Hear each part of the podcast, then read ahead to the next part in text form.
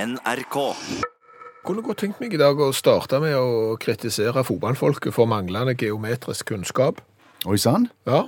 Manglende geometrisk kunnskap blant fotballfolket. Ja. OK. Underbygg. Ja, fordi at eh, når du setter opp et fotballag, eh, så setter du det opp i en eller annen slags formasjon. Det er jo elleve fotballspillere på et lag. Ja. Og da hører du gjerne at den vanlige formasjonen er 4-5-1, eh, fire i forsvar, fem på midtbanen, en spiss for eksempel, eller en 4-4-2-formasjon, eh, som jo da er fire i forsvar, fire på midtbanen og to i angrep. Hvor kommer geometrien inn i bildet her? Det kommer øyeblikk, fordi at det som skjer når du da har en 4-4-2-formasjon, altså fire mann på midtbanen, så er det blitt veldig populært nå å, å sette de fire på midtbanen i en såkalt diamantformasjon. En diamantformasjon. Ja, det vil si at du har en på midtbanen som er litt lengre fremme enn de andre, så har du en annen på midtbanen som er litt lengre bak enn de andre, og så har du de to siste på sidene. Og hvis du tegner en strek mellom de fire der, så skal du få det som heter en diamantformasjon. Nei, du gjør jo ikke det. Nei, du gjør jo ikke Nei, du det. får jo mer en rombe. Er det rom? Ja, ja en, en rombe. Altså det som kanskje folk kanskje mer kjenner igjen som en ruter. Eh, Hvis du ser på kortet ruter, altså en litt fremme, en bak, to på sidene, så får du en rombe, en, mer en ruterformasjon. Det har jo ingenting med diamant å gjøre i det hele tatt. Og det er der den manglende geometriske forståelsen kom inn i bildet. Ja, jeg synes det, er- det, er ikke, det er ikke bra. Eh, For hvis du hadde funnet en eh, diamant i naturen, Ja. hva formasjon har den? Altså hva, hva fasong har den? Er ikke den helt uformelige greia? da? Er det bare en klump? Ja, den, det, det kan jo ligne på en litt grove stein, kanskje. Eh, Så må han jo gjennom en slipeprosess. Da blir han jo mangefasettert. Ja. Eh, Da blir han jo heller ikke, ser han ut som en rombe. Nei. Nei, så hvor den der diamantformasjonen på midten kom inn når du har eh, fire midtbanespillere, det, det, det skjønner jeg ikke. Og det er klart at det er jo en del ungdommer som kanskje heller kunne trengt seg en tur i matematikktimen og fått geometrisk kunnskap istedenfor å gå på fotballtrening. Ja, det- Og det blir jo ikke bedre hvis at fotballtreningen da prediker feil geometriske figurer. Nei, og, og der kunne jo da fotballtreneren nå tatt grep, når ungdommene bruker så mange timer på treningsfeltet. Kanskje de da skal smette inn en liten snei av geometri. Ok, gutter og jenter, nå skal vi stille opp i følgende øvelse. Da går vi ut i et kvadrat. Ja. Som sier kvadrat, ja, det er like slang sånn, ja. Eller rektangel, trapes på midtbanen kunne du gått inn for. Eh, Det er mange Kjegle. ja, ja, mange geometriske f- f- figurer som kunne vært brukt i, i fotballfasong. Ja. Og, og for eksempel sånn, når du da går ut i en 4-5-1, det er jo fire mann i forsvar, fem mann på midtbanen og en spiss, eh, da kan du jo for eksempel eh, ha en pentagon på midtbanen, som er en femkant. Så da kan en lære ulike geometriske figurer, Ja. og så kan en prøve ulike forskjellige taktiske tilnærminger. Det er ikke sikkert alle fotballmessig fungerer. Nei, men skal du da være pinlig nøyaktig, så vil jeg jo si at den diamantformasjonen, den finnes jo ikke, for en diamant har jo ikke en fasong i den forstand. Da vil jeg heller si at du setter opp hele laget som en uregulær dekagon. Ja, Det er da en polygon med ti sider og ti vinkler, så det er mer en diamantformasjon. prøv den i garderoben. Gutter, Da går vi ut i en uregulær eh, dekagon med King, du kjører på topp. ja, da tror jeg det er bedre å se at vi går ut i rombefotball.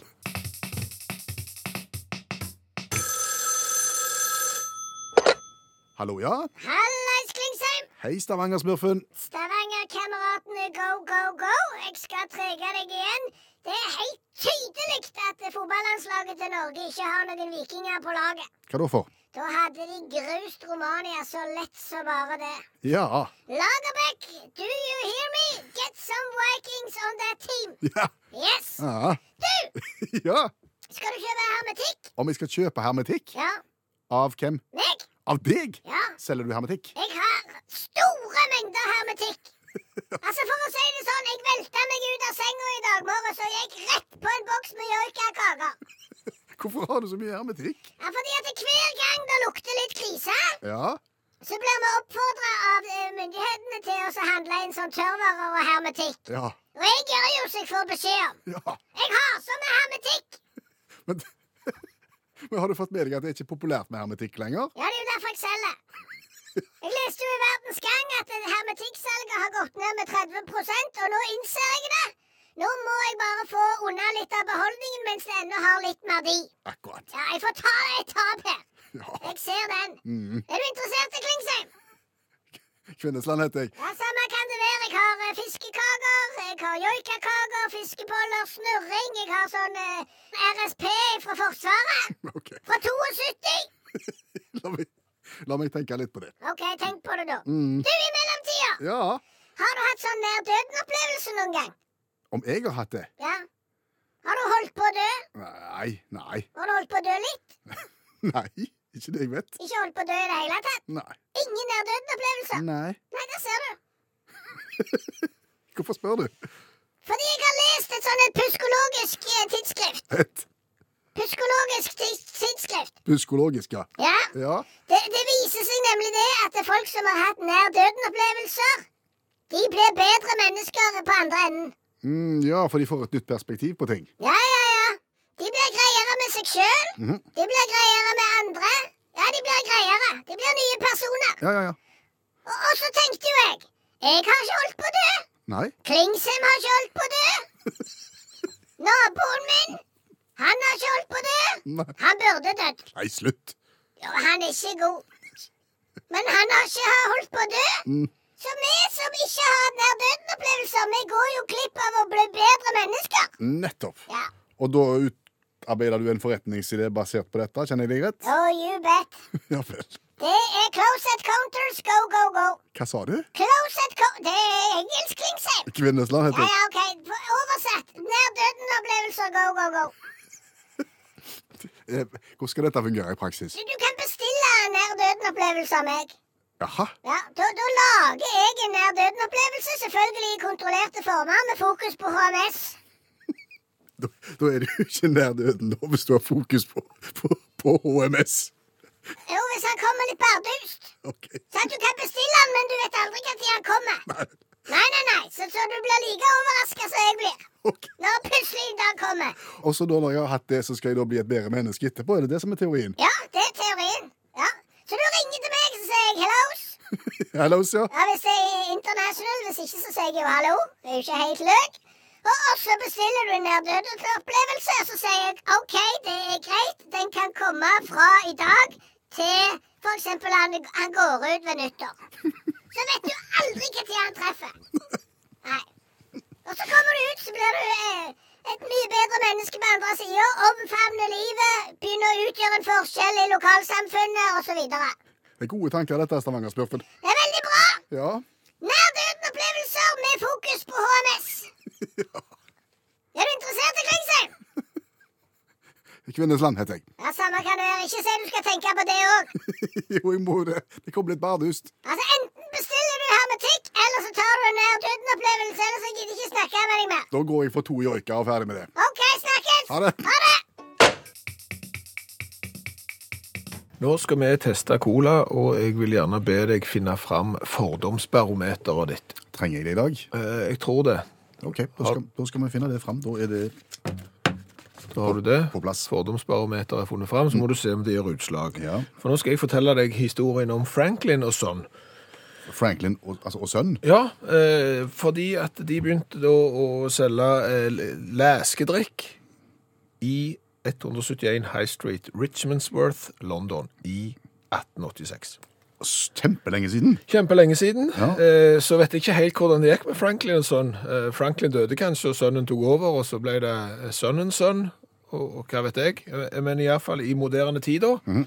I tradisjonen fra denne 130 år gamle bedriften, Japp. så har de begynt å produsere cola igjen. Ah, og den heter Franklin Sons 1886-cola. Å ja, etter årstallet hvor bedriften ble grunnlagt. Mhm. Og ei flotte, flotte flaske med litt sånn gamle viktorianske bokstaver på, og, og det er liksom prega inn i glasset. Ja, for det er glassflaske, ja. Ja, Og skrukork og alt i sammen når det står London 1886. Foreløpig er det ingen bevegelser på fordomsbarometeret. Nei, men så kommer det. OK. Fordi denne colaen her har ingen kunstige fargestoff. Den har ingen kunstige smakstilsetninger. Har ingen kunstige søtningsstoff, har ingen konserveringsmiddel, har henta colanøttene sine selvfølgelig i Vest-Afrika. Har henta coffee beans, kaffebønner som også skal være inni her, ifra Colombia. Altså, det er Nå lyser det rødt her. Nå lyser det rødt. Nå lyser det kjemperødt. Ja, det er Nå har fullt- fordoms, det er fullt utslag på fordomsbarometeret. Ja. For dette har vi vært gjennom før. Ja. At Dess mer eh, sånt du skal gjøre med colaen, dess mindre god blir han. Det stemmer, det. Altså, Når du skal prøve å gjøre cola til noe sunt, eller noe ordentlig og noe riktig Altså, Cola skal nytes i små doser, det er ikke noe helsedrikk. Sånn er det bare. Punktum. Ja. La oss smake på 1886. Han er fra England, da. Det skjønte gjerne folk når jeg sa London. Det tror jeg kanskje er greit. Vi ser jo allerede nå at den er jo ikke svart, den er omtrent gjennomsiktig brun. Det er en dårlig start. Men det er godt- godt med kullsyre. Ja, men lukt på den. Lukter gløgg. Ja, Da syns jeg du var grei, for gløgg er jo godt. Dette lukter oppvaskvann. Nei, nå må du være grei. Nå må vi smake.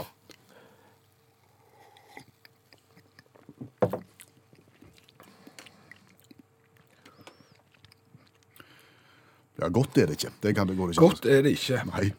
Og jeg holder på gløgg-hintet. Kalde gløgg med kullsyre. Kan jeg få minne deg om en ting, da? Mhm. eh, en jul for noen år siden så lagde jo vi gløgg i utakt.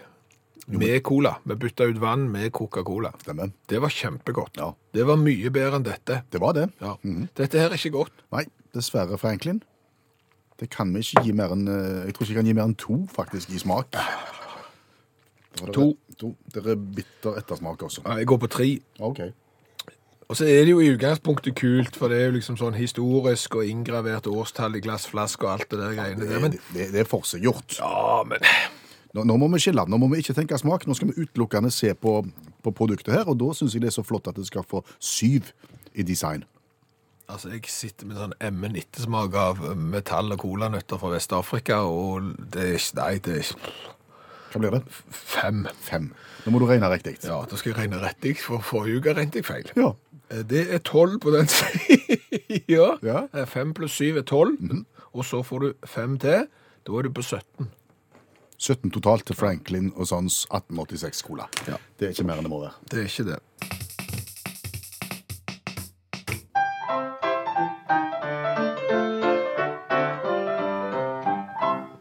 Dagens revyvise, og i dag skal jeg synge om kvantumbølgelesing i Kina. Nei, du skal ikke det, skjønner du.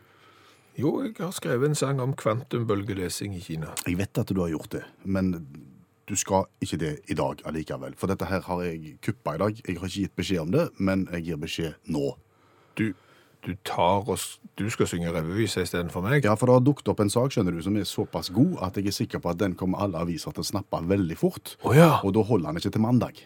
Nei, så, så, så hvis eh, Utakt skal være eh, nyhetsledende når det gjelder tullesaker fra utlandet Så må vi, så må vi smi mens jernet er hardt, som du sier. Ja, Ja. det er klart. Derfor så blir det meg. Er det greit? Ja, ja, for all del. Jeg Yes. kan ha kvantumbølgelesing på mandag, jeg. Det høres gørrkjedelig ut, så det er jo like greit. Nå skal du få høre om en begravelse som endte veldig rart.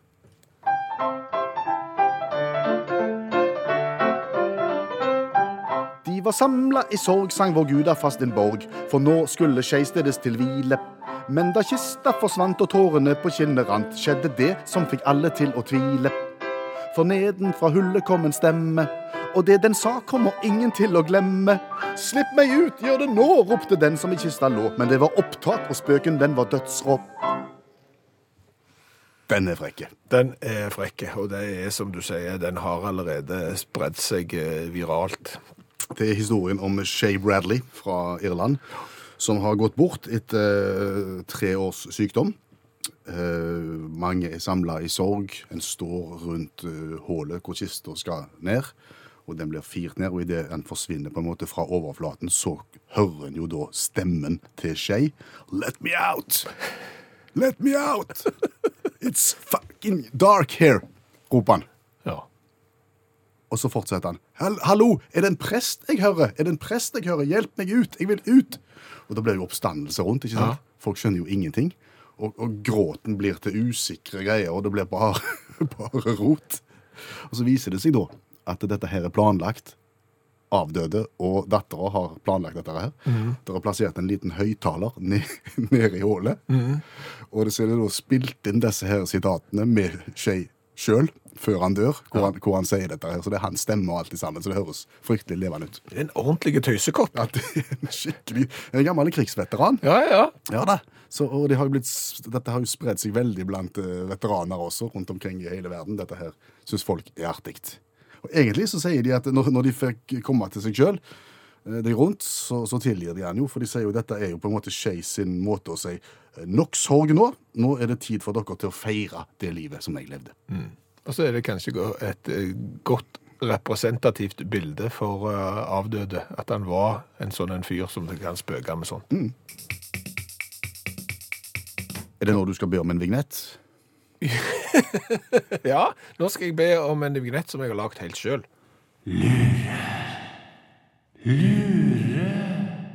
Ting du lurte på, men ikke visste du lurte på. Om du har eh, lurt på hvor mange kopper med kaffe du må drikke på en gang for å dø av det? Nei. Nei. Det har du ikke lurt på. Det har jeg strengt tatt ikke lurt på, nei. Nei, det er hvor mange kopper med kaffe du må drikke for å dø av en overdose med koffein. Fordi at eh, kaffe inneholder jo koffein. Hvis du da ikke har kjøpt sånn koffeinfritt, da er jo dette helt meningsløst eksperiment. Da ble det bare veldig, veldig, veldig mette.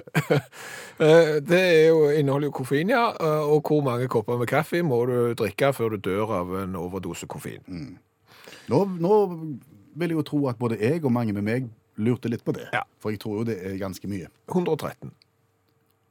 113 Ja. 113 kopper give or take. Eh, i løpet av Nei, for det som er greia her, er at eh, hvis du er 80 kilo, så må du ha i deg litt over 15 gram med eh, koffein for å få en overdose koffein. Og dette er jo et langt og komplisert regnestykke, eh, men hvis du da deler dette opp i eh, kaffekopper, så er det 113 kaffekopper. Kommer jo litt an på hvor sterk er kaffen i dag. Hvor mye- Jo da, sant, det er jo usikkerhetsmomenter. Men hvis du sier at det er så mye koffein i en vanlig kopp med kaffe, så må du ha 113 kopper med kaffe for å dø av det. Bortsett fra at du kommer ikke til å dø av det da. Nei vel. For hvis du prøver å drikke 113 kopper med kaffe, så er det ca. 30 liter med vann. Så du kommer til å dø av en overdose med vann før du dør av en overdose av- med koffein. Så dermed så blir regnestykket meningsløst, egentlig. Egentlig, så på papiret så dør du av 113 kopper kaffe, men så gjør du egentlig ikke det, for du dør av overdose vann før det. Men hvis vi da skal koke ned dette her til hvor mye Merket du ordspillet her? Ja. Ja. Hvis vi skal koke dette ned til hvor mye kaffe det faktisk kan gå an å drikke, så 15 liter vann til dagen, det, det, det skal du klare. 15 liter, ja vel. Ja. Eh, Det blir da 60 kopper med kaffe. Det vil si at du må drikke én kopp med kaffe hvert 24 minutt. Da får du ikke i deg nok koffein til å dø. Så tenker du nei, da får jeg fortsette dagen etterpå, da.